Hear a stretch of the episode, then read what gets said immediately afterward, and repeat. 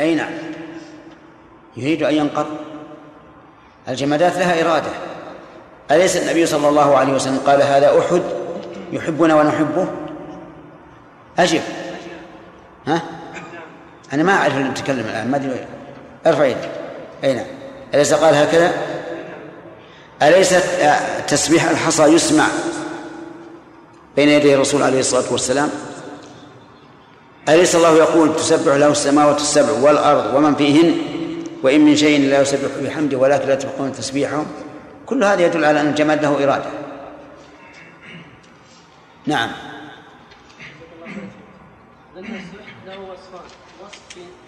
أرفع يدك اللي تسأل ها. قلنا السحر له وصفان وصف في نفسه لأنه يكره فيه ووصف في غيره آه نعم. آه وصف في نفسه أنه هو نفسه لا بركة فيه.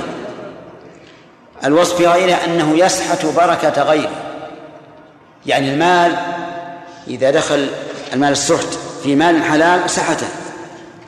قال الله تعالى وما أتيتم من ربا ليربو في أموال الناس فلا يربو عند الله.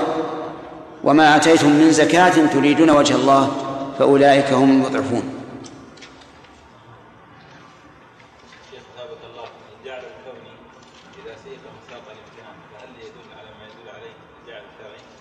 لا.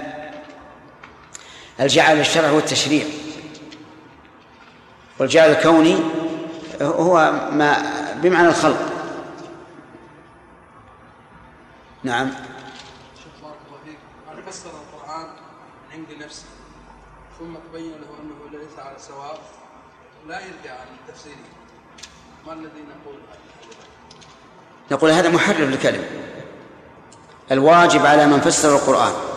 أو فسر السنة أو فهم من كلام العلماء فهما خلاف الحق الواجب عليه أن يرجع ويعلن هذا وهذا رفعة له في الدنيا والآخرة. يحيى؟ تحريف آيات أشد من تحريف من الآيات؟ إي نعم. تحريف آيات الصفات أشد لسببين. أولا لشرف موضوعها لأن البحث في أسماء الله وصفاته هو أشرف العلوم حتى كانوا يسمون الفقه الأكبر. الثاني أنه ليس للعقل فيها مجال فواجب الإنسان فيها التسليم وعدم التعرض للتحريف. فالتحريف فيها أشد من أن يحرف الإنسان آية في حكم الأحكام مثلا أو حديثا لأن الأول يتعلق بالخالق وهذا يتعلق بالمخلوق.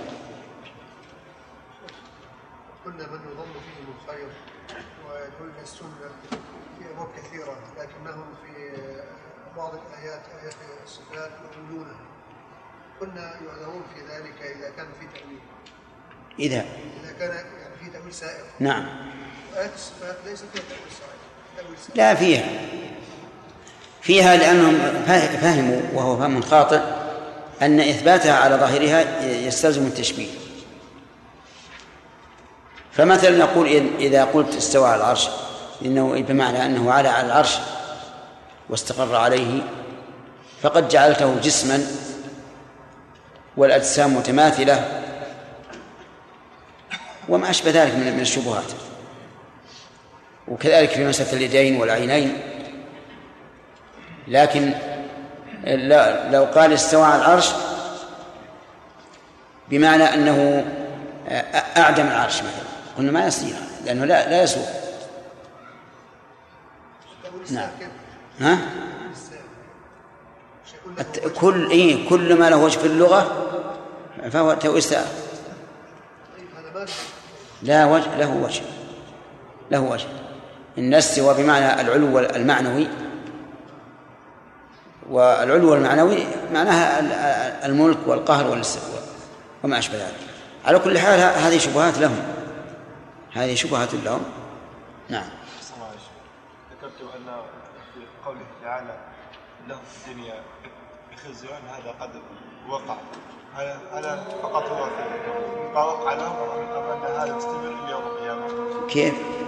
له في الدنيا لا الظاهر هو إذا وقع العذاب في قوم لسبب فمتى وجد هذا السبب استحق أهله هذا العذاب. بس ما ما نقدر نحكم على كل واحد. بعينه. نقول اللي وقع وقع. ومن شاء ومن شاركهم في عملهم استحق مثل عقوبتهم.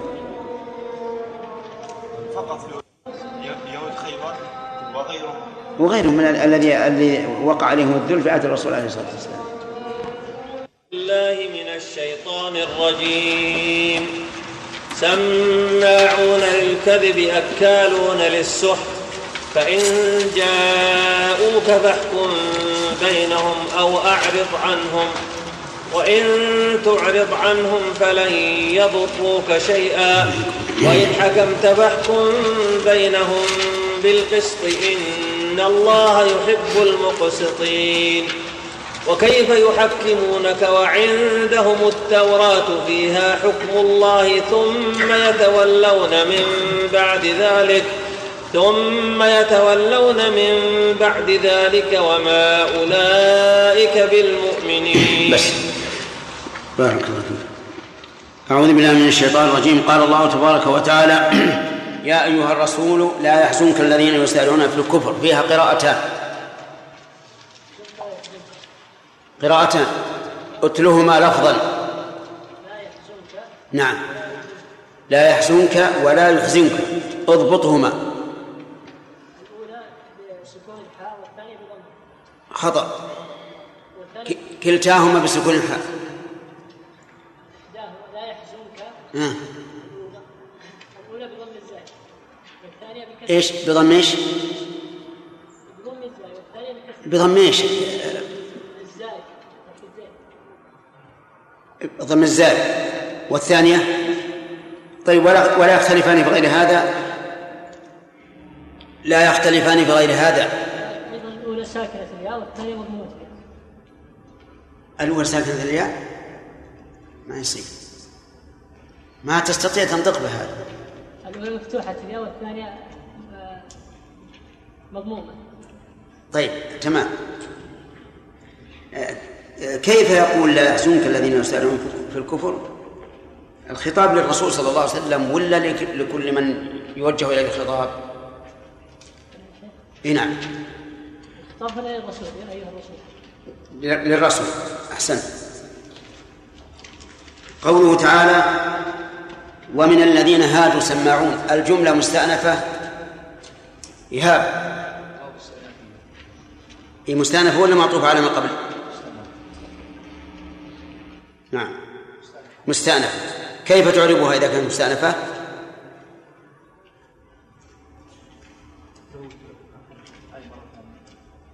كيف تعربها إذا كانت مستأنفة؟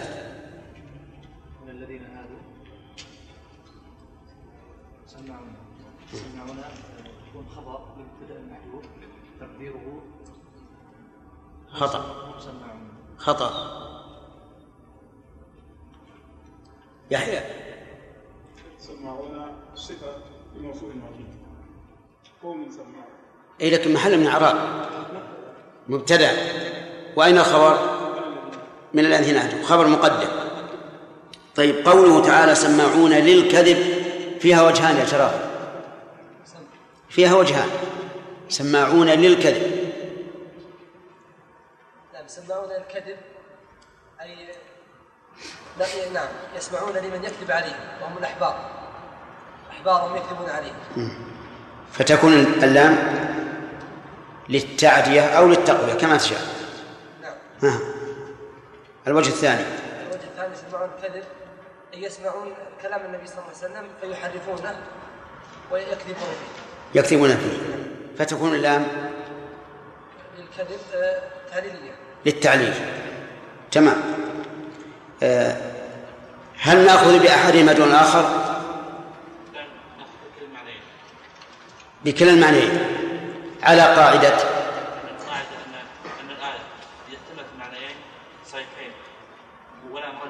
الآخر جميعا معنيين صحيحين ولا مرجح لهذا من جميعا ما نقول طيب ثالث ولا منافاة؟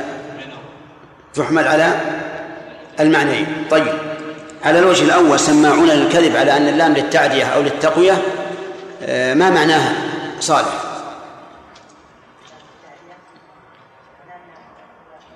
إذا قلنا للتعدية أو للتقوية صار المعنى سماعون الكذب. ها؟ دعني ما ما ما أقول ما هو. ما السبب للام أقول ما معناه؟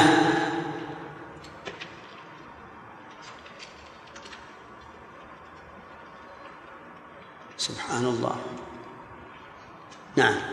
معنى أنهم يصدقون الكذب ويقبلون إيش؟ معنى أنهم يصدقون الكذب نعم. ويقبل الكذب ممن؟ من؟ أحبارهم. تمام.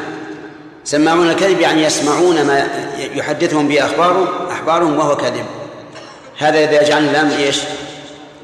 هو يا جماعة للتقوى. طيب. على الرأي الثاني أن اللام للتعليل.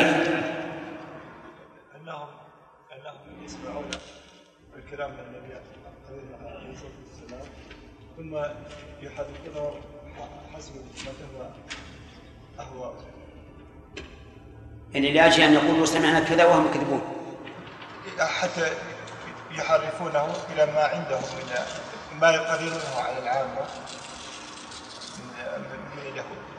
يعني سماعون للكذب يعني يسمعون كلام الرسول عليه الصلاة والسلام يستمعون إليه من أجل أن يكذبوا ويقولوا للناس قال لنا محمد كذا وكذا. طيب هذا المعنى.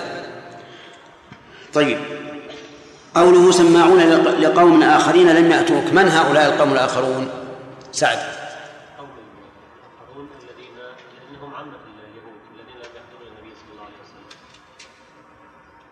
اي طيب. هل هم رؤساء أو من عامة الناس؟ طيب.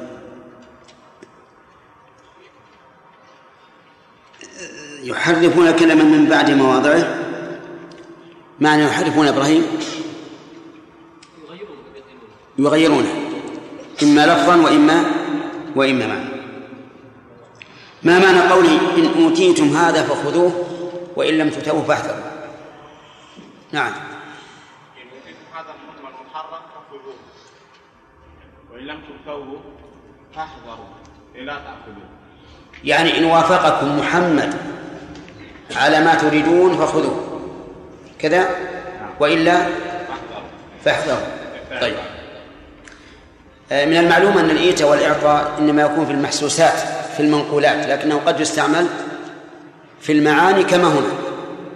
لأن معنى إن أوتيتم هذا فخذوه يعني إن وافقوكم عليه إن وافقكم محمد عليه فخذوه وإلا فردوه واحذروا منه.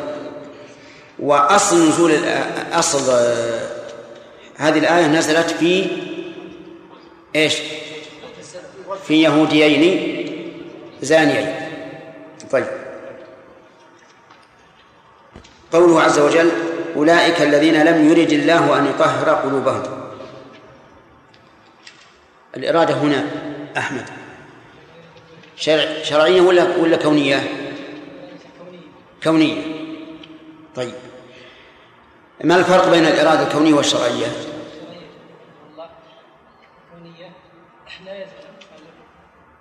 الشرعية تكون فيما يحبه الله ها. ولا يلزم منها كيف تقول فيما يحب الله ثم تقول لا يلزم أن يكون يحب الله؟ الآن الشرعية تكون في إيش؟ ولا يلزم منها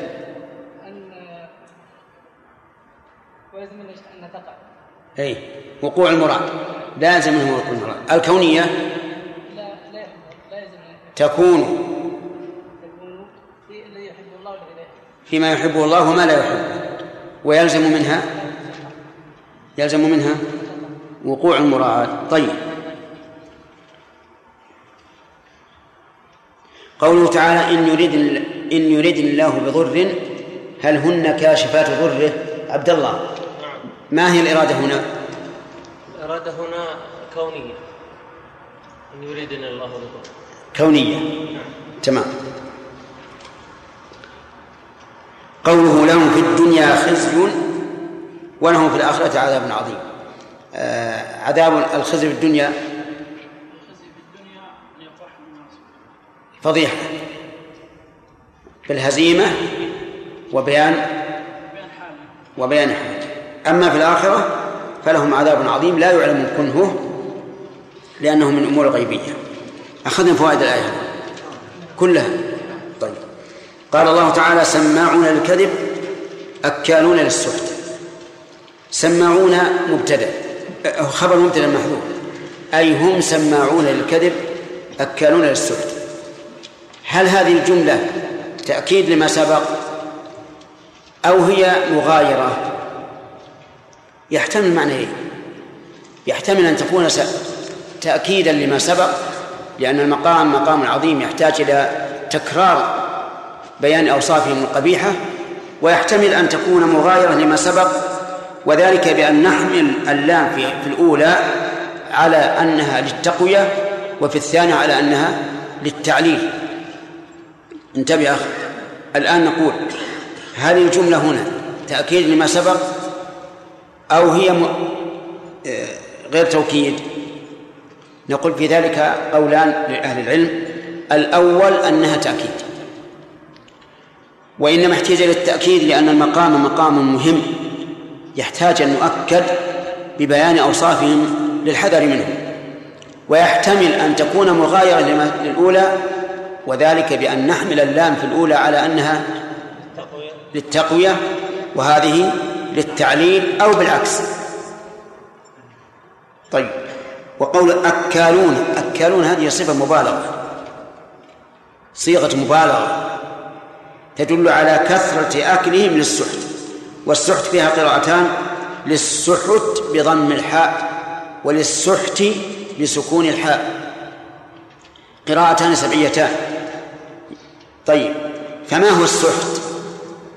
هل هو أكل المال الباطل؟ هل هو أكل الربا؟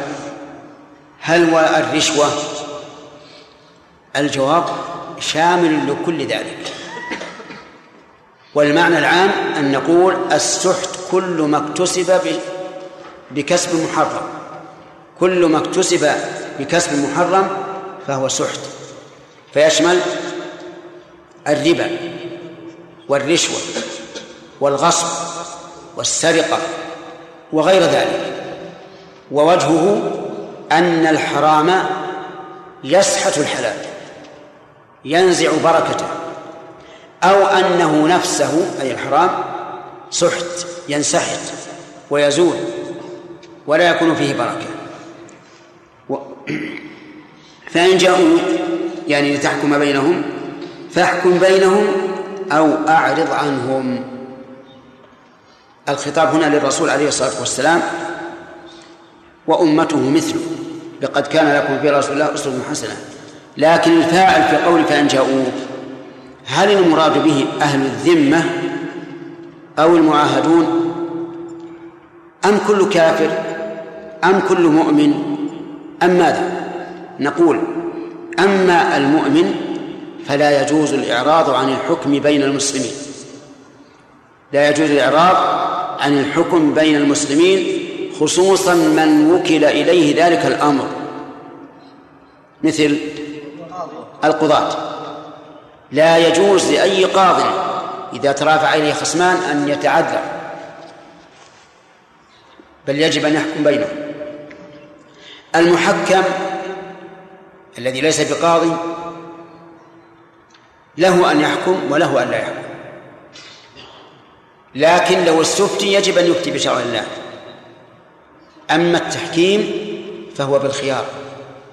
إن شاء قبل وإن شاء لم يقبل مثل أن يكون نزاع بين قريبين. فيقولان آه لا نريد أن نصل إلى القاضي ولكن نحكم فلانا. فلا يلزمه أن يحكم.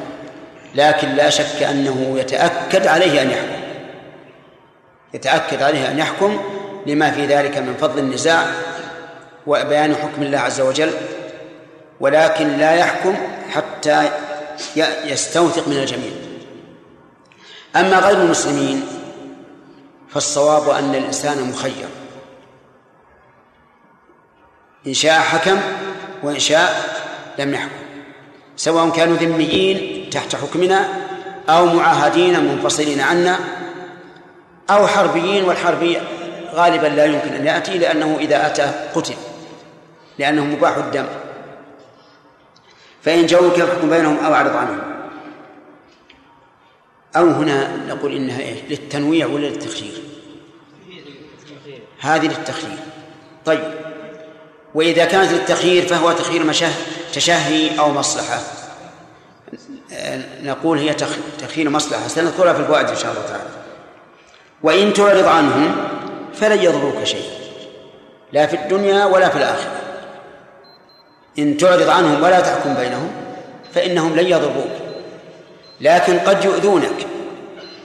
والأذية لا يلزم منها الضرر بدليل أن الله سبحانه وتعالى أثبت أن أن بني آدم يؤذونه ونفى أن يضره أحد. فقال جل وعلا يا عبادي إنكم لن تبلغوا ضري فتضروني. وكذلك في القرآن إنهم لن يضروا الله شيئا. الأذية ثبتت في القرآن والأحاديث القدسية. قال الله تعالى في القرآن إن الذين يؤذون الله ورسوله وقال في الحديث القدسي يؤذيني ابن آدم يسب الدهر. فالضرر منفي عن الله عز وجل بالقرآن والسنة بالقرآن والأحاديث القدسية والأذية إيه ثابتة ومن المعلوم أنه لا يلزم من الأذية الضرر يا محمود أين ذهبت؟ أين ذهبت؟ للمدينة ولا باكستان؟ طيب لازم من الأذية الضرر بدليل أن الإنسان إذا إذا جلس إلى جنبه رجل آكل بصل بصلا يتأذى به أو لا؟ يضره؟ لا يضره طيب إن تعرض عنهم فلن يضرك شيئا لكن قد يكون أذية أما الضرر فلا وقول شيئا نكرة في سياق النفي بلن فيعم أي شيء أي شيء لن يضرك لا في الدنيا ولا الآخرة وإن حكمت يعني إذا اخترت أن تحكم فاحكم بينهم بالقسط. إن حكمت يعني رأيت أن تحكم واخترت أن تحكم فاحكم بينهم بالقسط. القسط ما هو؟ العدل. العدل حتى لو كان الحكم لكافر على مسلم. صح؟ لو كان لكافر على المسلم يحكم عليه؟ طيب يحكم عليه. بالعدل. حتى أن العلماء رحمهم الله قال يجب أن يعدل بين الخصمين ولو بين مسلم وكافر في اللفظ واللحن والجلوس والتقديم وكل شيء. لأن هذا حكم يجب أن يعدل فيه.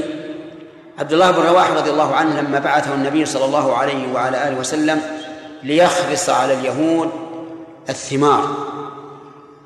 جمعهم. وقال إني جئتكم من أحب الناس إلي. إني جئتكم من أحب الناس إلي. من يعني؟ الرسول صلى الله عليه وسلم. وإنكم لأبغض إلي من عدتكم من القردة والخنازير. رضي الله عنه. كلمة شجاع. وما حبي له وبغضي لكم بموجب أن, لا أعدل فيكم. وإلا من المعلوم أن النفس بالطبيعة البشرية تميل مع من تحب وعلى من تبغض. لكن يقول لا يمكن ألا أعدل بين ألا أعدل فيكم. فقالوا بهذا قامت السماوات والأرض. وعدل فيهم رضي الله عنه فاحكم بينهم بالقسط. إن الله يحب المقسطين. هذا حث على العدل في كل شيء. إن الله يحب المقسطين في كل شيء. يعني العادلين. ولهذا جاء في الحديث الصحيح أن المقسطين على منابر من نور عن يمين الله عز وجل. الذين يعدلون في أهليهم وما ولوا عليه. أو وما ولوا عليه. طيب. إذا المقسط من؟ العادل. سامي وين رحت؟ ما هو المقصد؟ طيب. والقاسط الجائر. أما القاسطون فكانوا لجهنم حطبا. لكن المقسط هو العادل. في الآية فوائد كثيرة منها. تأكيد كون هؤلاء اليهود سماعين للكذب. لقوله إيش؟ سماعون للكذب. فإن قال قائل يرد على قولك التأكيد القاعدة المعروفة أنه إذا دار الكلام بين التأسيس والتأكيد حمل على إيش؟ على التأسيس. قلنا نعم هذا وارد لكن عليه رد. له جواب. الجواب أننا إذا قلنا إنه للتأسيس صارت الجملة الأولى دالة على معنى واحد والثانية على معنى واحد. وإذا قلنا للتوكيد صار كل منهما إيش؟ دالا على معنيين. فمن ثم يترجح أن يكون ذلك للتأكيد. من فوائد الآية الكريمة التحذير من هذا الوصف القبيح. وهو إيش؟ الاستماع للكذب. أو الاستماع أو نقل الكذب. لأن الله أكد بيان هذا الوصف القبيح من اليهود. ومنها أن من اتصف بذلك ففيه شبه من من اليهود. ومن فوائد هذه الآية الكريمة الوصف القبيح أيضا وهو أكل المال بالباطل. لقوله أكالون للسحت والله عز وجل ما ذكر هذا الوصف إلا لنحذره.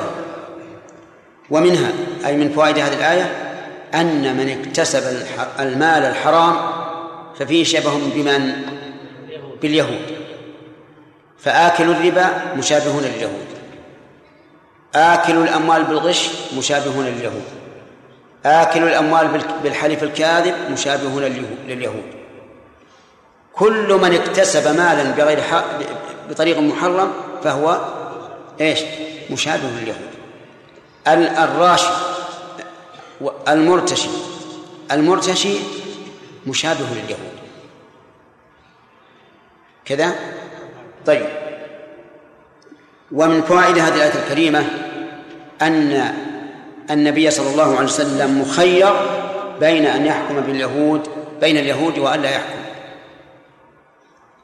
لقوله فاحكم بينهم أو أعرض عنهم وأو هنا للتخيير.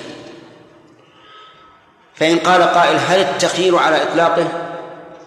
فالجواب لا. بل هو مقيد بالمصلحة. والقاعدة عندنا أن التخيير إذا كان للتيسير على المكلف فهو للتشهد. يفعل ما شاء. وإذا كان للمصلحة وجب اتباع المصلحة.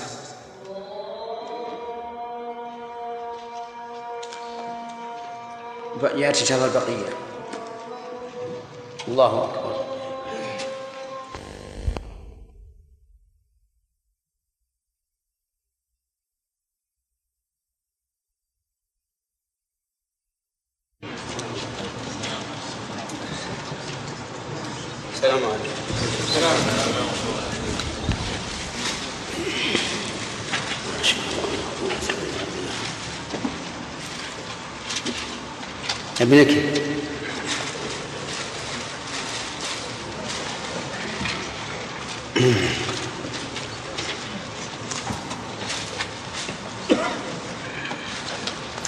بسم بالله يا عبد الله. أعوذ بالله من الشيطان الرجيم. سماعون للكذب أكالون للسحت. فإن جاءوك فاحكم بينهم أو أعرض عنهم. وإن تعرض عنهم فلن يضروك شيئا.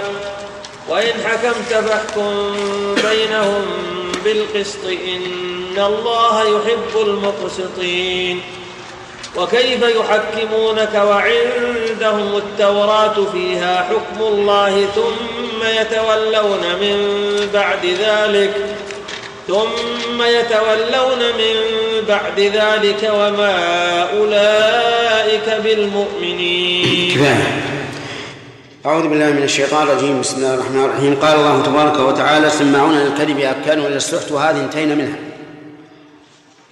ومن فوائد هذا. ها. كيف؟ طيب. وصلنا إلى قوله وإن تعرض عنه فلا يضرك شيء أخذنا فائدتها. وصلنا إلى قوله فاحكم بينهم أو أعرض عنهم. بينا فوائدها. طيب. قال الله تعالى وإن وإن تعرض عنهم فلن يضروك شيئا. من فوائد هذه الآية الكريمة من هذه في هذه الجملة أن من أعرض عن شيء بأمر الله فإن ذلك لا يضر. لقوله وإن تعرض عنهم يعني فلم تحكم فلن يضروك شيئا. ولكن هل انتفاء الضرر يجب أن يكون في الحال؟ أو ولو في المستقبل بمعنى أنه ربما يتضرر لأول وهلة ثم تكون العاقبة له. الجواب بالثاني لأن الإنسان قد يتضرر بأول وهلة ثم تكون العاقبة له وحينئذ يكون كأن لم يتضرر. ومن فوائد هذه الآية الكريمة أنه يجب الحكم بين الناس بالعدل. لقوله وإن حكمت فاحكم بينهم بالقسط. يعني إن أردت أن تحكم كما خيرناك فاحكم بينهم بالقسط. ومن فوائد هذه الآية الكريمة أنه لا يجوز للإنسان أن يراعي في حكمه قريبا ولا صديقا ولا غنيا ولا فقيرا. لقوله بالقسط. وهذا يعني أن ننظر إلى القضية من حيث هي قضية لا من حيث أنها قضية فلان بن فلان. ومن فوائد هذه الآية الكريمة إثبات المحبة لله عز وجل أي أن الله يحب ومحمود يذكر لنا آية أخرى تدل على أن الله يحب. إن الله يحب التوابين ويحب المتطهرين. وهل هذه المحبة مجاز عن الثواب أو هي محبة حقيقة؟ الثاني يتعين الثاني. وفيها إثبات أن الله تعالى يحب. ومن أهل التأويل من قال إن الله تعالى لا يحب قال ذلك تأويلا لا تكذيبا. يعني هو لم يقل إن الله لا يحب بل قال إنه يحب لكن معنى المحبة كذا. ويجب أن تفرق بين الطريقين. الذي يقول إن الله لا يحب هذا كافر. لأنه مكذب للقرآن. والذي يقول إنه يحب لكن معنى المحبة كذا فهذا ليس بكافر. ففرق بين إنكار المحبة تأويلا وإنكارها تكذيبا وجحودا. هم يقولون إن الله الأشاعرة ومن ورائهم المعتزلة وجميع المتأولين يقولون إن الله لا يحب لأن المحبة لا تكون إلا بين شيئين متناسبين. هذا واحد. ولأن المحبة تتجدد لأنها معلقة بأوصاف وأسباب. والله تعالى منزه عن الحوادث. إذا ما معنى المحبة؟ قالوا معناها الثواب. معناها الثواب. ولم يعلم المساكين أنه يلزم من إثبات الثواب إثبات المحبة إذ لا يمكن ثواب بلا محبة أبدا. فهم وإن فروا من إثباتها لفظا فإنها تلزمهم التزاما أو إلزاما. المهم أنهم يقولون إن المحبة بمعنى المثوبة. قيل لهم إن الله يقول فسوف يأتي الله بقوم يحبهم ويحبونه. قالوا نعم يحبهم يثيبهم ويحبونه أي يفعلون ما ما يثيبهم عليه.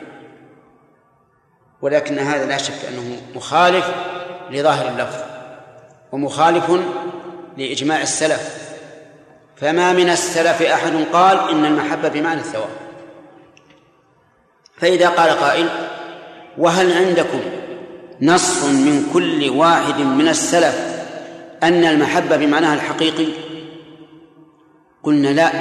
لكن كون هذه النصوص ترد عليهم ولم يرد عنهم تفسير بخلاف ظاهرها يدل على أنهم إيش؟ أجمعوا على اثباته ولا حاجة ان أن ينقل إجماعهم على كل مسألة بعينه. لكن ما دامت النصوص الكتاب والسنة ترد عليهم ولم يأت عن أحد منهم ولا حرف واحد أنهم أولوها بخلاف ظاهرها فإن هذا يدل على أنهم مجمعون على إثباتها. أما قولهم إن هذا يلزم أن تقوم الحوادث بالله عز وجل فنقول وليكن. وليكن. نحن نؤمن بأن الله تعالى يفعل ما يشاء وأن صفاته منها ما يتجدد ومنها ما لا يتجدد. بمعنى منها ما يحدث بأسبابه ومنها ما لا يحدث بأسبابه. فالعلم مثلا أزلي أبدي لكن المحبة ليست كذلك. إذا كان الله يحب هذا العبد فمحبته لهذا العبد متى كانت؟ بعد وجود أسباب أسباب, أسباب المحبة. فمحبته لهذا العبد المعين حادثة ولا مانع. وقيام وقيام الأفعال الاختيارية به من كمال صفاته ولا شك. ومن فوائد هذه الآية الكريمة إثبات تفاضل محبة الله عز وجل. إثبات تفاضل محبة الله. وجه الدلالة أن المحبة هنا علقت بوصف. وما هو؟ لا. يعني الإقساط. لأن مقسطين من الرباعي. الإقساط. وإذا كانت كذلك فإن المعلق بوصف يزيد بزيادته وينقص بنقصانه أرأيتم لو قلت أكرم المجتهد من الطلب؟ فإن إكرامك يزيد بإيش؟ بزيادة الاجتهاد وينقص بنقص. إذن إثبات كون الله يحب المبسطين يدل على تفاضل محبة الله عز وجل وأنه يحب أحدا أكثر من أحد ويحب أحدا ولا يحب أحدا كيف الدلالة؟ أي نعم.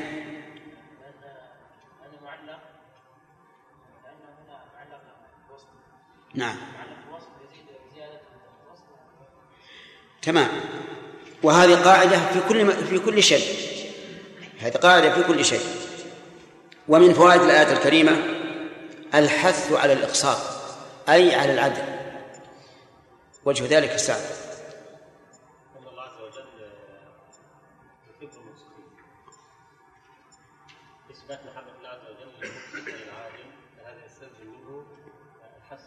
يعني كون الله يخبر أنه يحب المقسطين يتضمن إيش؟ الحث على هذا.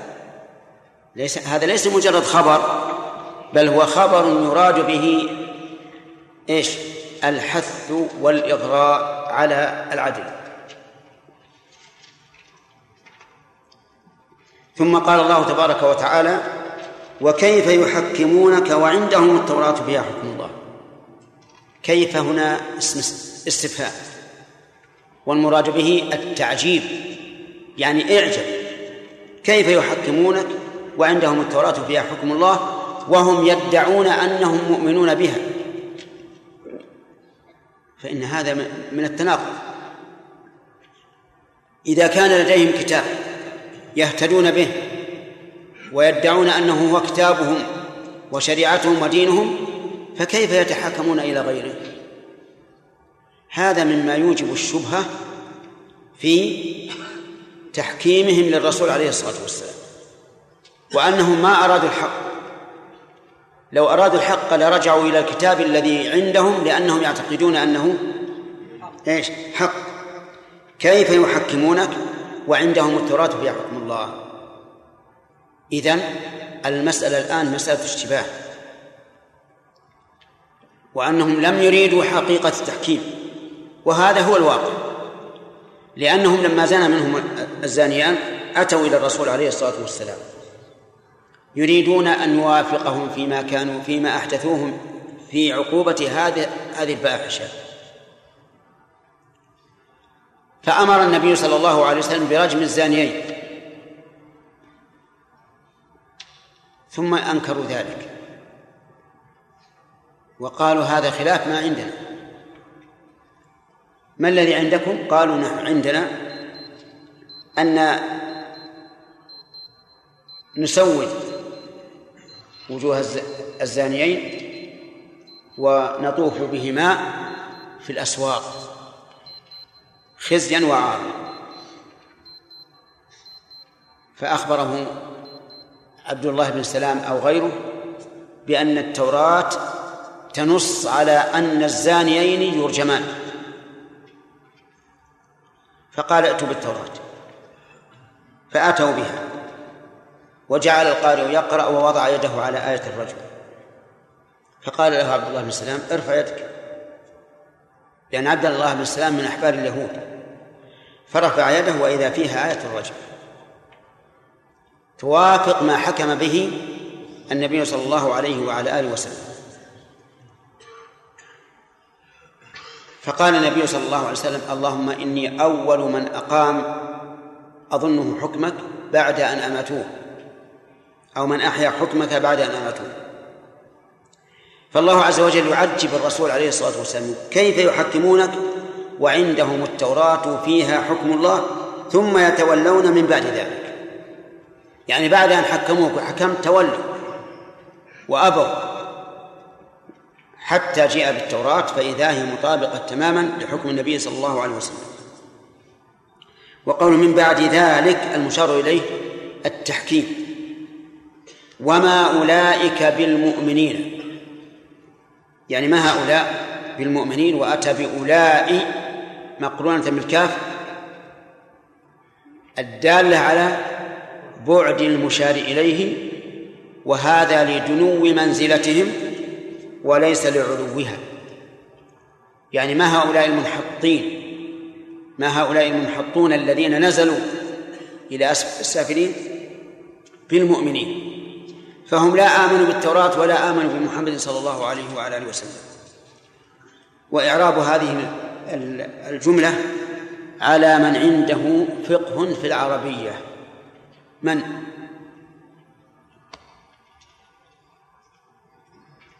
اللهم عفوا واحد اثنين ثلاثة أربعة.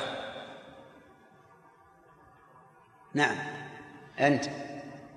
ما ما نافية تعمل عمل ليس؟ نعم. أولئك اسم إشارة مبني على الكسر محل نصب اسم محل رفع اسم لا. نعم. وكاف زائدة زائدة؟ وهل تزاد الكاف؟ إن هذا لعلم جديد. قل لي نعم قد تزاد. يا رجل ليس كمثله شيء. بعض النحويين قال إن الكاف زائدة. نعم. اذا كمل. الكاف وش تقول فيها؟ زائدة ولا حرف دال على الخطاب؟ نعم. والباء حرف جر زائد. نعم. المؤمنين اسم خبر ما. خبر ما. نعم. مجرور. مجرور خبر ما. ما تقول تعمل عمل ليس. ما أجل ما تقول خبر ما مجرور. خبر ما.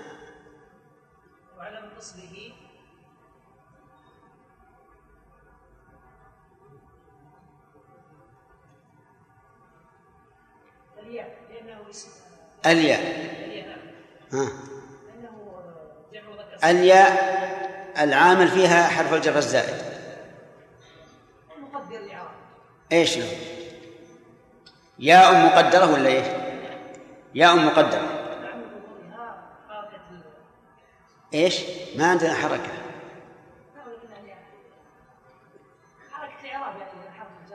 ما عندنا حركة. اللي عندنا ياء.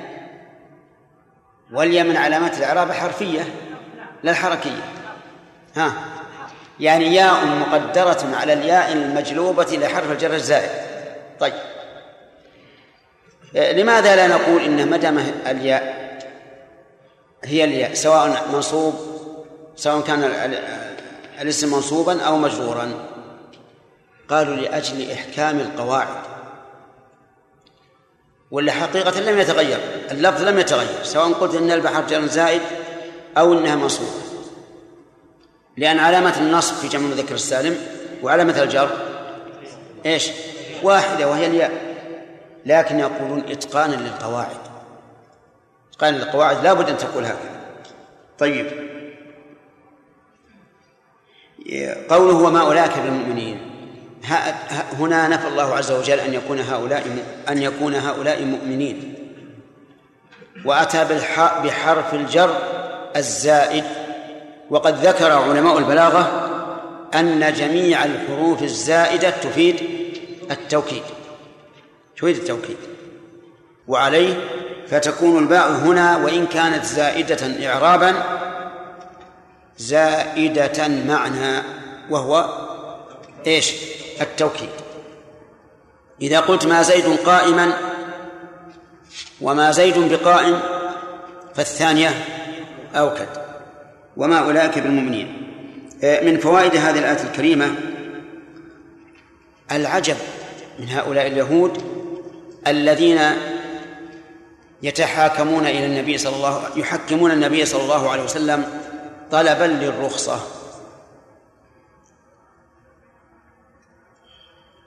وعندهم التوراة ومن فوائدها أن من استفتى عالما طلبا للرخصة ففيه شبه من من اليهود.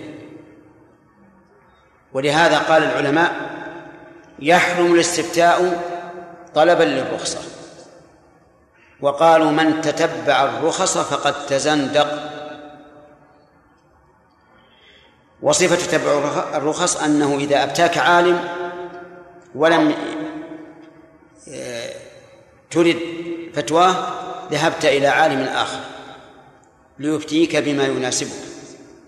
وهذا لا شك أن المستفتي إنما أراد اتباع الهوى دون الهدى لأنه لما أفتي بما بما يرى هو أنه الحق بما يرى هو أنه الحق كيف يرى أنه الحق؟ لأنه لم يستفتي هذا العالم إلا وهو يعتقد أن فتواه إيش؟ حق وشريعة. فلما لم يوافق ما يهوى ذهب يستفتي آخر. فصارت حاله تنادي بأنه لا يريد الهدى وإنما يريد الهوى. نعم لو أن الإنسان استفتى عالما في مكانه. في بلدته. لا يرى عالما أحسن منه. لكن من نيته أنه لو حصل له أن يستفتي من هو أعلم لفعل. فهنا نقول لا بأس أن يأخذ بقوله وإذا ظفر بعالم أوثق منه عنده فليستفتي ويكون هذا بمنزلة استعمال التراب عن الماء عند العجز عنه. وبمنزلة أكل الميتة عند العجز عن أكل المذكات. وعليه فيفرق بين شخصين سألا عالما ثم استفتيا غيره. أحدهما سأل هذا العالم لأنه لا يرى في بلده من هو أعلم منه ومن نيته أنه إذا ظفر بمن هو أوثق استفتاه. فاستفتاء هذا للعالم الثاني إيش حكمه؟ جائز. والثاني استفتى العالم الذي في بلده على أن فتواه هي الحق لكنه تثاقلها ثم استفتى عالما آخر لعله يجد رخصة. ها؟ هذا لا يجوز. شوف اثنان عملهما واحد لكن حكمهما مختلف. نعم. نخلي الفوائد بعدين يعني ولا نستمر بالفوائد؟ نعم. طيب. ومن فوائد هذه هذه الآية الكريمة تناقض اليهود وذلك بطلبهم الحق مع أن أداة الحق عندهم. حكموا الرسول مع أن التوراة فيها حكم الله أي فيها ما يعتقدون أنه حكم الله. ومن فوائد الحديث من فوائد الآية أن أن ما جاء في التوراة فهو حكم الله. ولكن متى هذا؟ قبل أن تبدل وتغير ويخفى منها ما يخفى ويبدأ منها ما يبدأ.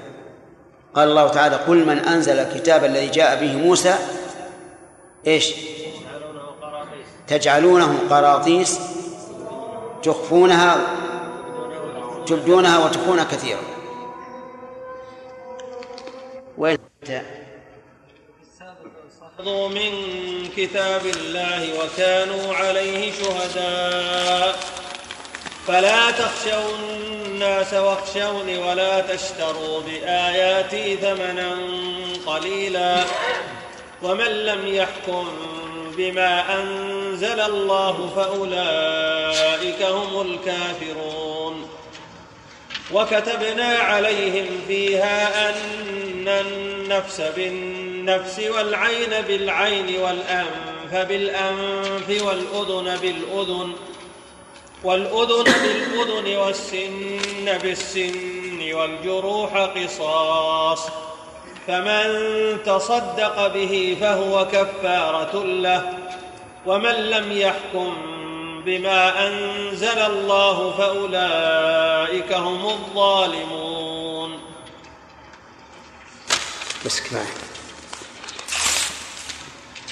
هذا يطلب بسم الله الرحمن الرحيم يطلب الأخ خالد الرافع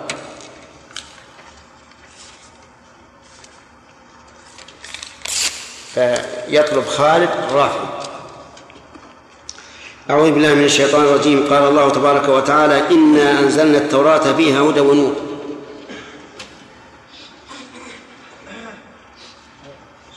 نعم. كيف؟ ها؟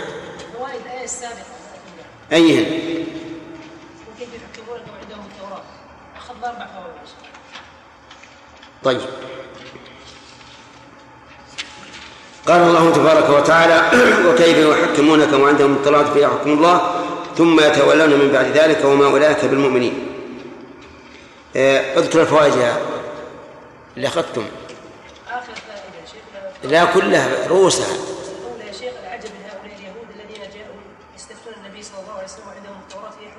العجب من هؤلاء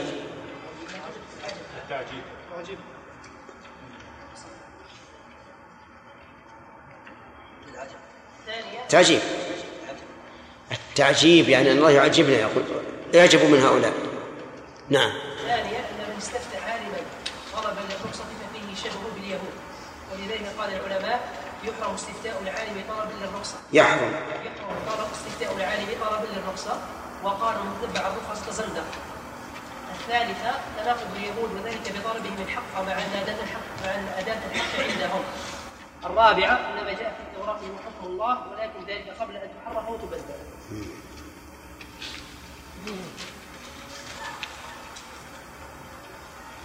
طيب.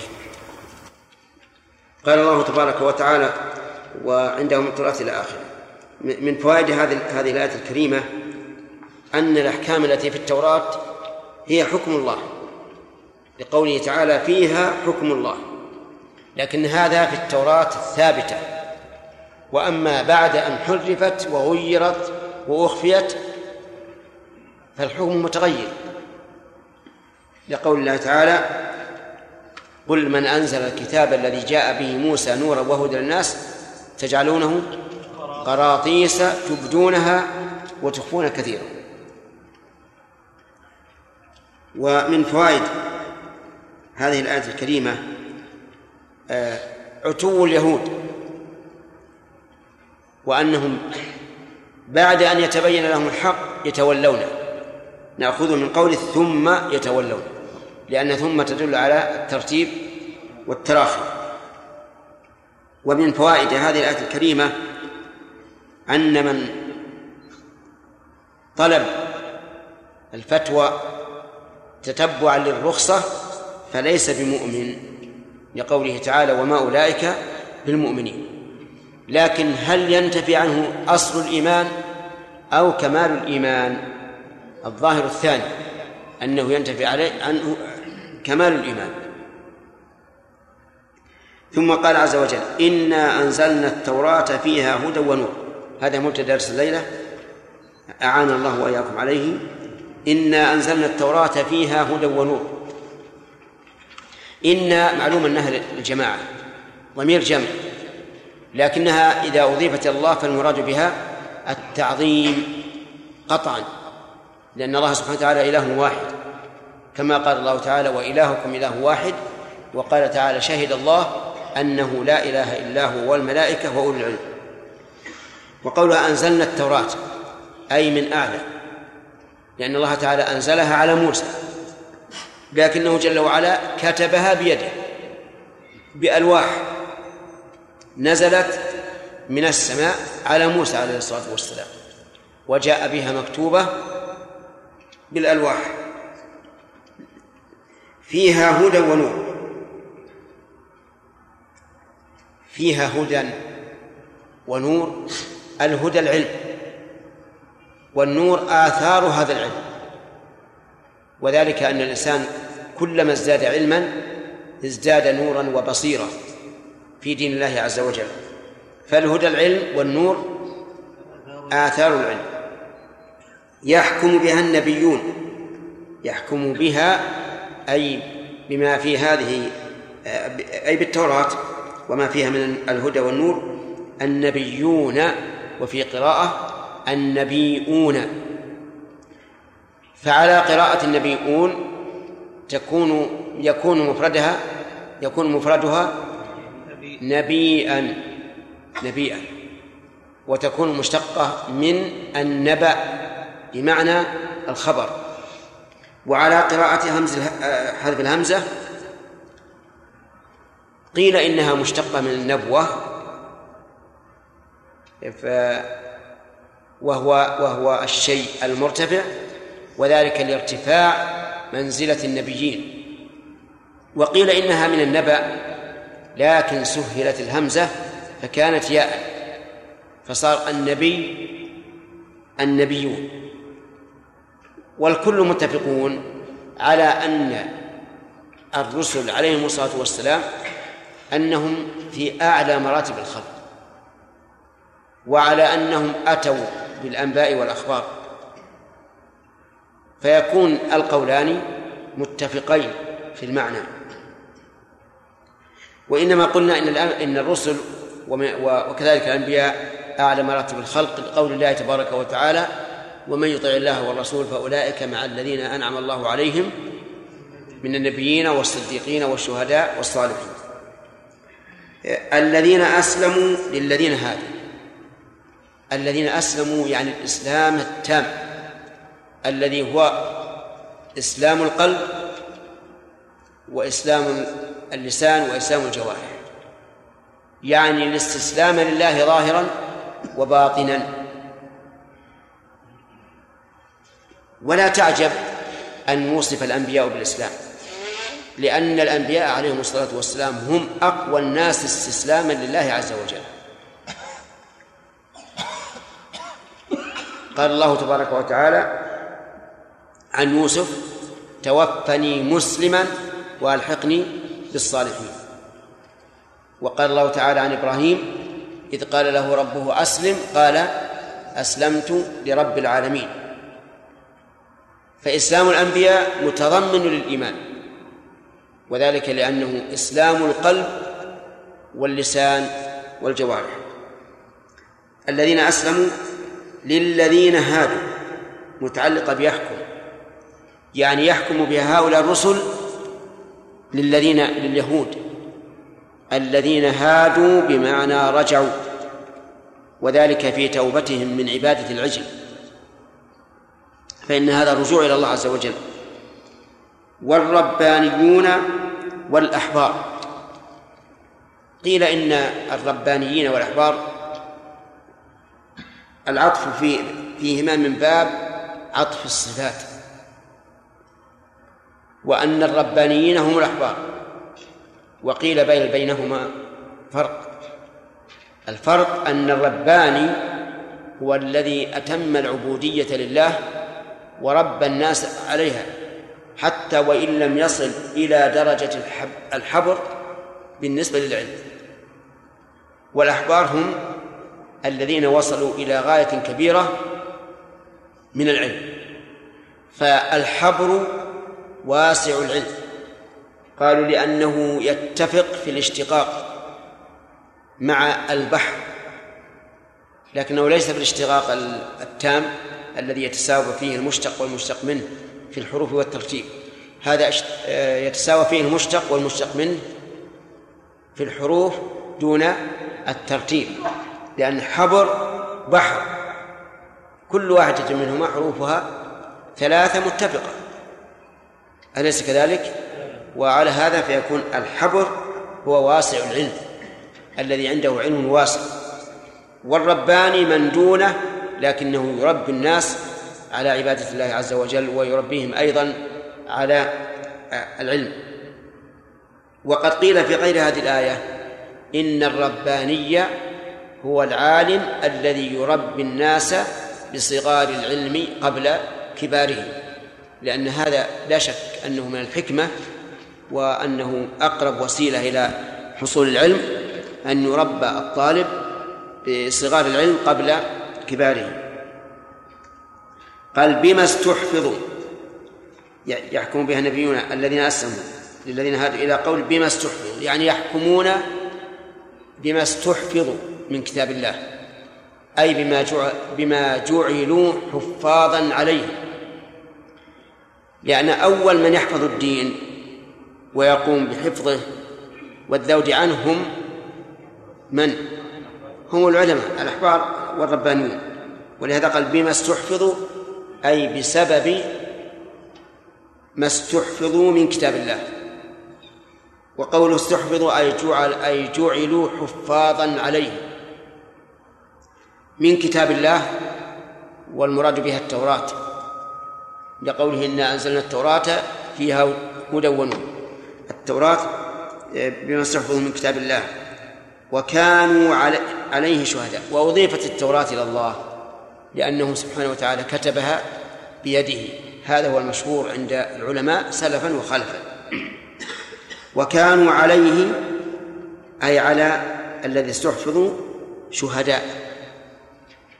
لأن العلماء يشهدون بأن هذه شريعة الله وينشرونها بين عباد الله فكانوا شهداء على الخلق ببلوغ الرسالة ببلوغ الشريعة إليهم. قال فلا تخشوا الناس واخشوني. لا تخشوا الناس أي لا تخافوهم وتخضعوا لهم. واخشوا الله. وهذا كالإشارة إلى كونهم إذا زنى فيهم الشريف تركوه وإذا زنى فيهم الضعيف أقاموا عليه الحد. ولا تشتروا بآياتي ثمنا قليلا يعني لا لا تستبدلوا آيات الله بالثمن القليل. فما هو هذا الثمن القليل؟ هذا الثمن القليل إما الجاه وإما الرشوة.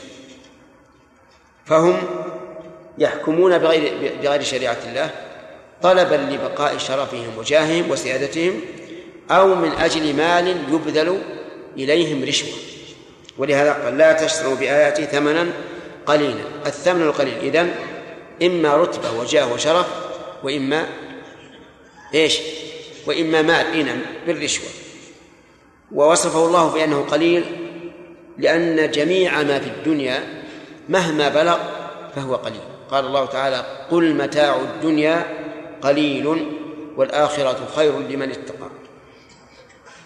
ومن لم يحكم بما أنزل الله فأولئك هم الكافرون. أي أي إنسان لم يحكم بما أنزل الله من يهود ونصارى وغيرهم فأولئك هم الكافرون. أولئك مبتدأ وهم ضمير فصل. وجاء ضمير الفصل لإفادة الحصر والتوكيد لأنهم قالوا إن ضمير الفصل له ثلاث فوائد.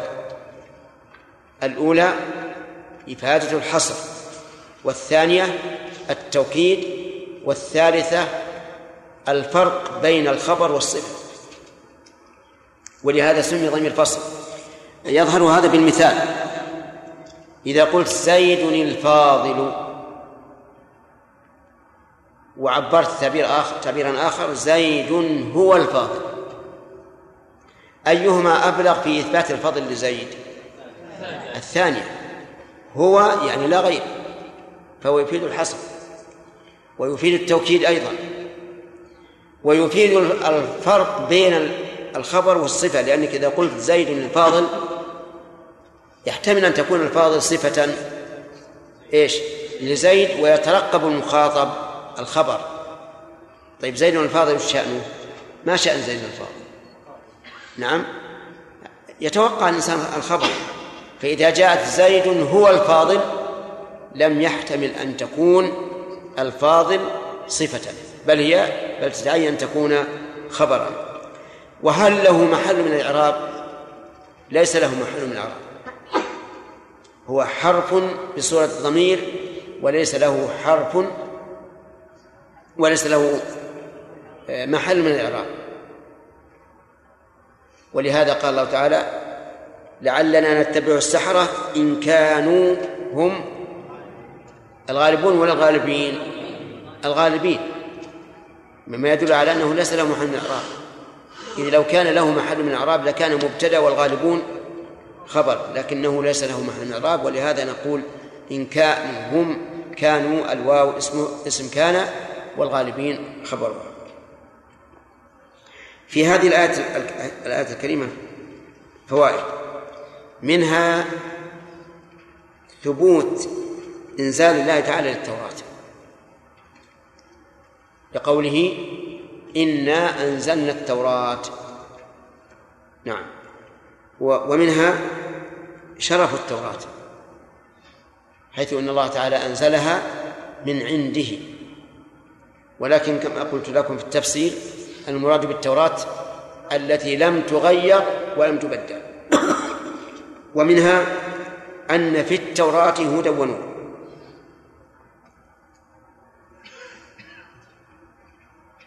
لقوله فيه فيها هدى ونور. في القرآن الكريم قال الله تعالى شهر رمضان الذي أنزل فيه القرآن هدى للناس. فالقرآن كله هدى وكله نور وأنزلنا إليكم نورا مبينا. على التوراة في هذه الآية قال الله تعالى إن فيها هدى ونور وهذا التعبير بينه وبين التعبير القرآني بالنسبة للقرآن الكريم فرق عظيم. لأن هذه جعل, جعل فيها هدى ونورا والقرآن جعله هو الهدى والنور في هذه الآية. ومن فوائد هذه الآية الكريمة أن التوراة أصل للأنبياء الذين جاءوا من بعد موسى. لقوله يحكم بها النبي. وعلى هذا فالشرائع التي أتت من بعد التوراة تعتبر تكميلا للتوراة. تكميلا للتوراة وتحقيقا للعمل بها. ومن ثم نقول هل الإنجيل داخل في ذلك؟ نقول نعم الإنجيل مكمل للتوراة. لأن عيسى عليه الصلاة والسلام قال ولأحل لكم بعض الذي حرم عليكم. ومن فوائد هذه الآية الكريمة جواز وصف الأنبياء بالإسلام. لقولها النبيون الذين أسلموا. والمراد هنا الاستسلام الظاهر إيش؟ والباطن. لأن هناك إسلاما ظاهريا فقط. كما في قول الله تبارك وتعالى في قصة لوط فأخرجنا من كان فيها من المسلمين. فما وجدنا فيها غير بيت من المؤمنين. نعم فأخرجنا من كان فيها من المؤمنين فما وجدنا فيها غير بيت من المسلمين. فجعل الذين فيها في البيت جعلهم من المسلمين ومن المعلوم أن آه، امرأة لوط ليست مسلمة بل هي كافرة لكنها قد خانت زوجها فأظهرت الإسلام ولهذا قال ضرب الله ضرب الله مثلا الذين كفروا امرأة نو إيش؟ امرأة نوح وامرأة لوط كانتا تحت عبدين من عبادنا صالحين فخانتاهما. خانتاهما ليس بفعل الفاحشة ولكن بإخفاء الكفر عنهما. فالمهم أن الإسلام قد يطلق على من أظهر الإسلام وإن كان قلبه منطويا على الكفر. لكن إسلام الأنبياء عليهم الصلاة والسلام على عكس ذلك. إسلام الأنبياء هو استسلام لله ظاهرا وباطنا. ومن فوائد هذه الآية الكريمة أنه لا عذر لليهود في الخروج عن شريعة الله. لأن الله تعالى قيض لهم الأنبياء الكثيرين يحكمون لهم بالتوراة لكنهم عاندوا وكفروا. وقوله ومن فوائد هذه الآية الكريمة أن أهل العلم ورثة الأنبياء في في إظهار حكم الله والدعوة إلى شريعته لقوله والربانيون والأحبار. ومن فوائد هذه الآية الكريمة الثناء على أهل العلم وأنهم هم حفظة شريعة الله. لقوله بما استحفظوا من كتاب الله.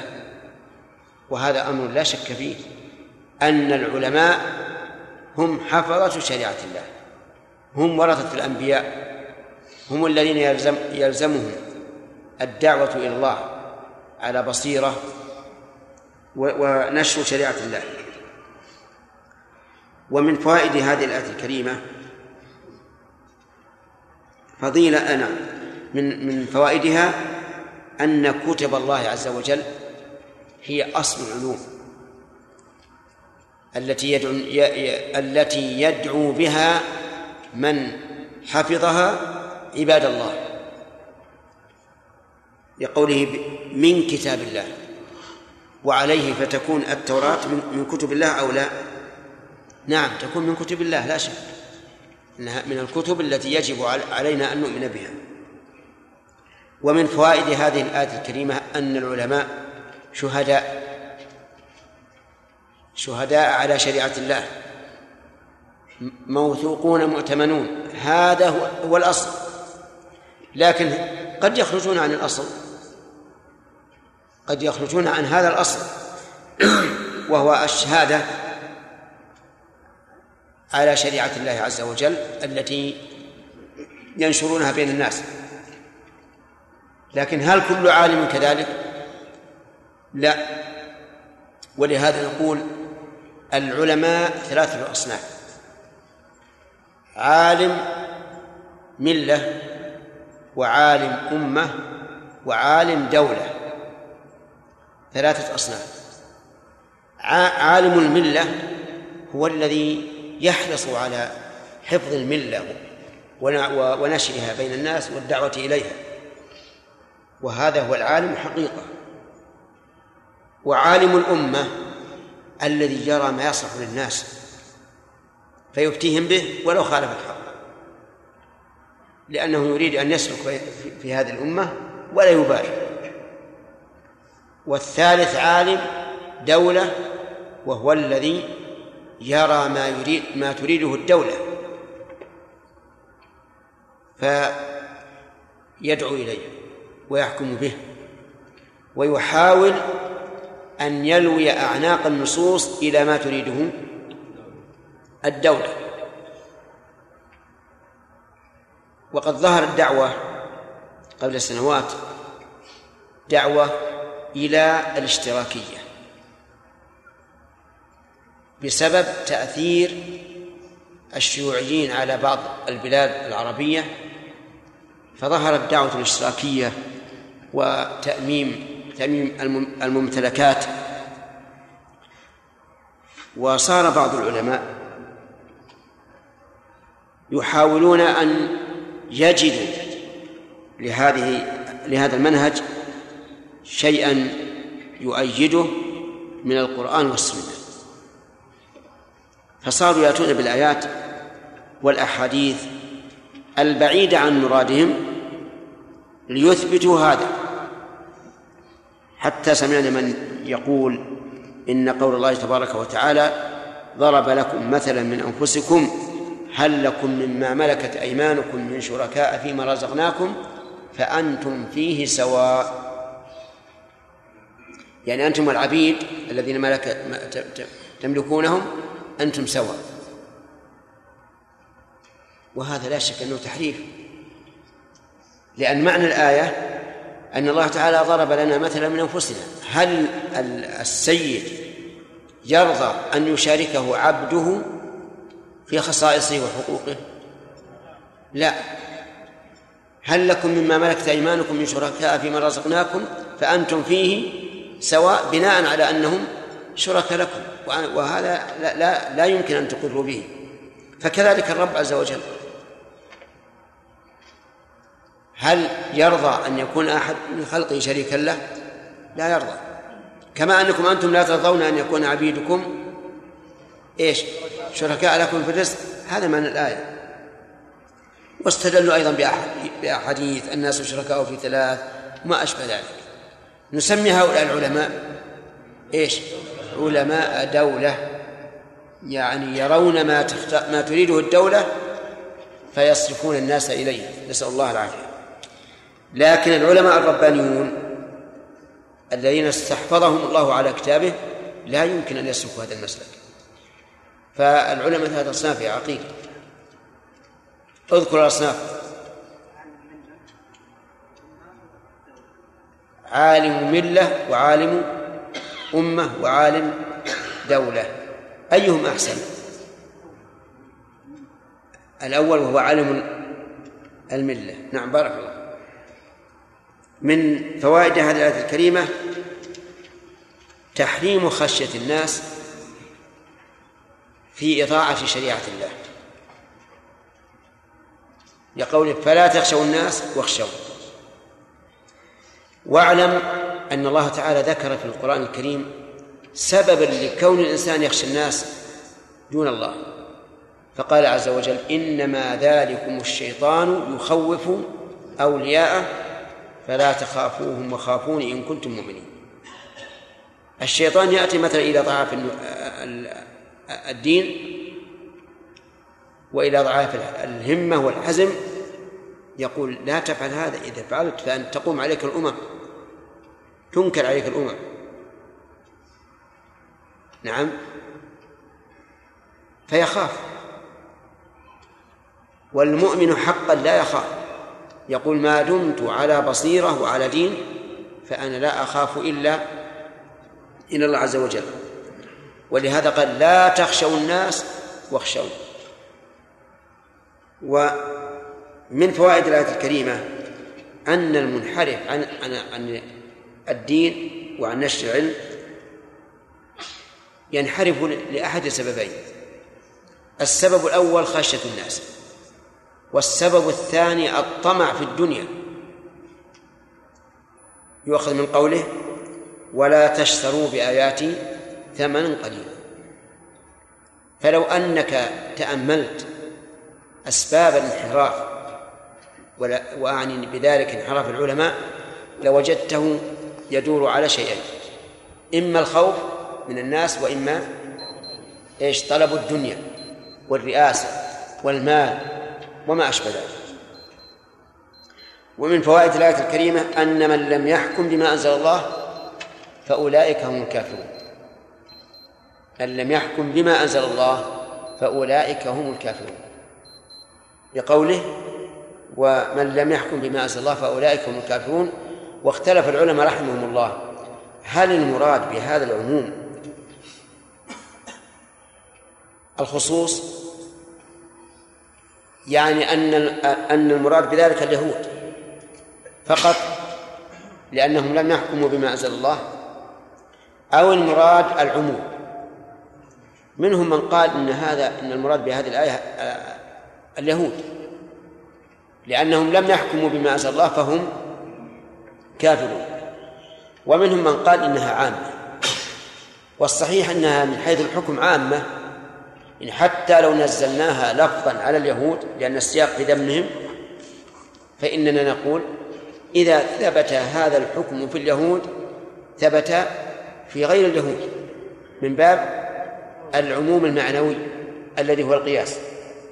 يعني الآن من لم يحكم بما أنزل فأولئك الكافرون إن قلنا إن هذا عام أريد به الخاص وأن المراد بذلك اليهود قلنا هذه دلالة الآية لفظا. لكن إذا قلنا بالعموم بقطع النظر عن السياق صارت الآية تدل لفظا على الشمول لليهود وغير اليهود. وعلى القول بأنها الخصوص نقول يلحق بذلك من لم يحكم بما أنزل الله من غير اليهود. إلحاقا إيش؟ معنويا. ولكن اعلم أن من لم يحكم بما أنزل الله. إما أن يكون لطمع وإما أن يكون لكفر بما أنزل الله وإما أن يكون لعدوان وظلم على الغير.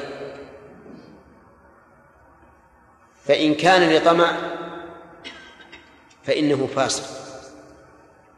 كقاض تنازع عنده رجلان فأعطاه أحدهما رشوة فحكم بغير ما أنزل الله. ليش؟ طلبا للرشوة والطمع. هذا نقول إنه فاسد.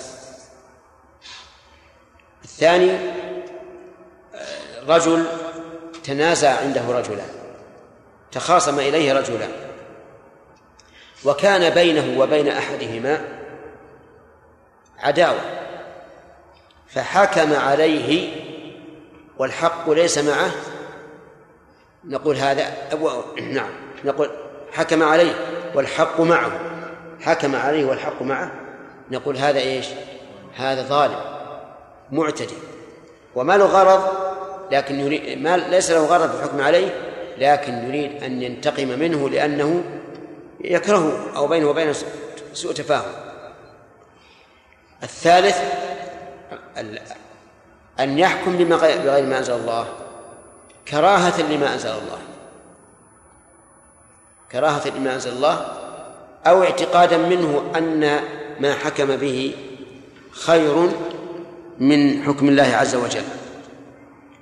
أو أنه مخير بين أن يحكم بما أنزل الله أو بغير ما أنزل الله. فهذا يكون يكون كافرا. يكون كافرا خارجا عن الإسلام لأنه كره الإسلام أو ظن أن غيره أحسن منه أو أن غيره مثله. والله عز وجل يقول ومن أحسن من الله حكما لقوم يوقنون. أي لا أحد أحسن من الله حكما. فإذا حكم ويعتقد أنه مثل حكم الله فقد كذب ما تدل عليه الآية. وهو قول ومن أحسن من الله حكما. وإذا اعتقد أنه خير منه فهو أشر وأقبح من الذي قال إنه مساو له. نعم. بارك الله فيكم. ما هو الضابط في أن الإنسان يخشى الله عز وجل ولا يخشى الناس. آه ثم إذا نظرنا الجهة الثانية قد يوجد مثلا في بعض البلاد حكام يعني حكام يعني يصادمون هذا الحق. نعم. متى يتوجب على الإنسان؟ لا يخشاه. نعم. يصدع بالحق. مهما كان الأمر ومتى يكون الأمر في ساعة. الإنسان إذا كان قصده من كتمان الحق الخوف على نفسه. فهذا هو الذي خشي الناس. أما إذا كان قصده من كتمان الحق الخوف على الحق وأنه لو جهر به ضاده آه، الوالي الذي عنده وكبح وقمع هذه الدعوة وربما يتوصل الأمر إلى غيره فهذا لا حرج أن يؤخر الدعوة إلى وقت يمكنه فيها يمكنه فيه أن يجهر بها. نعم.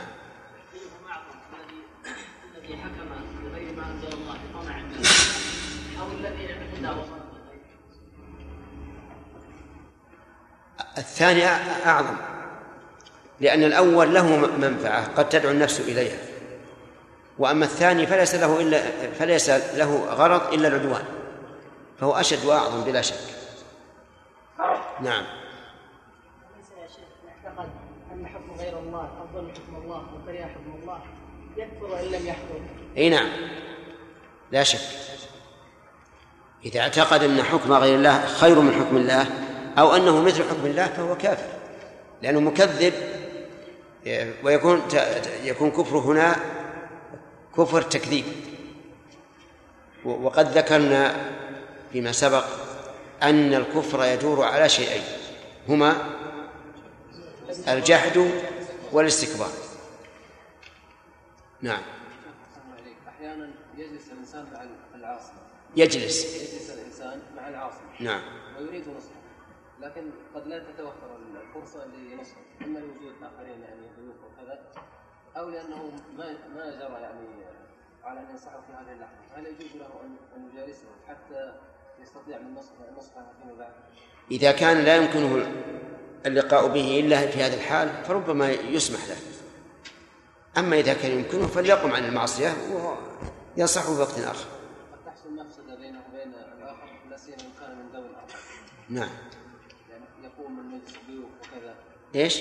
يقوم من مجلس الضيوف الذي هو آه، يعني دعاه إليه. يستطيع يقوم. الإنسان يستطيع يقوم موريا. إما أن يضع آه، يده على أنفه كأنه عرف وإما أن يقول هكذا. يعني إيش؟ ها؟ يجعل رأسه. يستطيع. أعوذ بالله من الشيطان الرجيم. وكتبنا عليهم فيها أن النفس بالنفس والعين بالعين والأنف بالأنف والأذن بالأذن والأذن بالأذن والسن بالسن والجروح قصاص فمن تصدق به فهو كفارة له ومن لم يحكم بما أنزل الله فأولئك هم الظالمون أعوذ بالله من الشيطان الرجيم. قال الله تعالى وكتبنا عليهم فيها إلى آخره. وأظن أن ما لم نكمل فوائد الآية التي قبلها. أليس كذلك؟ لا ما كملنا. طيب هل إذا كنا كملناها فما الفرق بين الخشية والخوف؟ محمد. نعم الخشية. نعم. أخص من الخوف. إيه ما الفرق؟ الفرق أن الخشية تكون عن علم وأما الخوف فلا. نعم. الفرق الأول. الفرق الثاني الفرق الأول الخشية مع- علم والخوف. قد يكون بالعلم. نعم قد يكون بالعلم والثاني؟ الفرق الثاني أن الخشية تكون لعظمة المخشي وأما الخوف فيكون قد يكون لضعف الخائف. لضعف الخائف وأن لم يكن المخوف قويا نعم. الثالث؟ أن الخشية أكمل من الخوف. أن الخشية أكمل من الخوف. ولهذا كانت ألفاظها الخاء والشين والياء كلها مشتقة من الشيء ال- القوي. طيب. قوله ومن لم يحكم بما أنزل الله فأولئك هم الكافرون. قوله ولا تشتروا باياتي ثمنا قليلا. معنى لا تشتروا بها؟ لا لا. نعم. لا نستبدل ها؟ لا نستبدل وما المراد بالثمن القليل؟ عرض الدنيا. عرض الدنيا. من جاه من جاه أو رئاسة أو مال أو غير ذلك. طيب. كلها قليل. كما قال تعالى قل متاع الدنيا قليل. طيب. من لم يحكم بما أنزل الله فأولئك هم الكافرون. هذه اخذنا فوائدها؟ نعم سبحان الله. طيب. إذا هذه الآية من أشكل ما يكون على على أهل العلم في قول ومن لم يحكم بما أنزل الله فأولئك هم الكافرون. فمن العلماء من قال هذه في اليهود خاصة لأن الآيات في سياق في سياق التثريب على اليهود. فكأن الله قال إن هؤلاء اليهود كفار. ومن العلماء من قال إنها أصلها في اليهود لكنها عامة لأن لفظ من صريح في العموم. من لم يحكم بما أنزل الله فأولئك هم الكافرون. والصحيح أنها عامة لأن العبرة بعموم اللفظ لا بخصوص السبب. ولكن هل المعنى فأولئك هم الكافرون فيما حكموا فيه أو الكافرون الخارجون عن الملة؟ هذه محل خلاف أيضا. فمن العلماء من قال أولئك هم الكافرون فيما حكموا به. كقول النبي صلى الله عليه وسلم اثنتان في الناس هما بهم كفر. الطعن في النسب والثاني عبد الله عوض. النياحة على الميت مع أن هذا لا يخرج من الإسلام. فعليه يكون المعنى هم الكافرون بما إيش؟ بما حكموا به فقط لا الخارجون عن الملة. وقيل هم الكافرون أي الموصوفون بالكفر المخرج عن الملة ولكن الأدلة دلت على أن هذا مشروط بقيود أو إنه مقيد بشروط. الأول أن يكون الحاكم عالما بحكم الله والثاني أن يكون عالما بمخالفة هذا الحكم لحكم الله.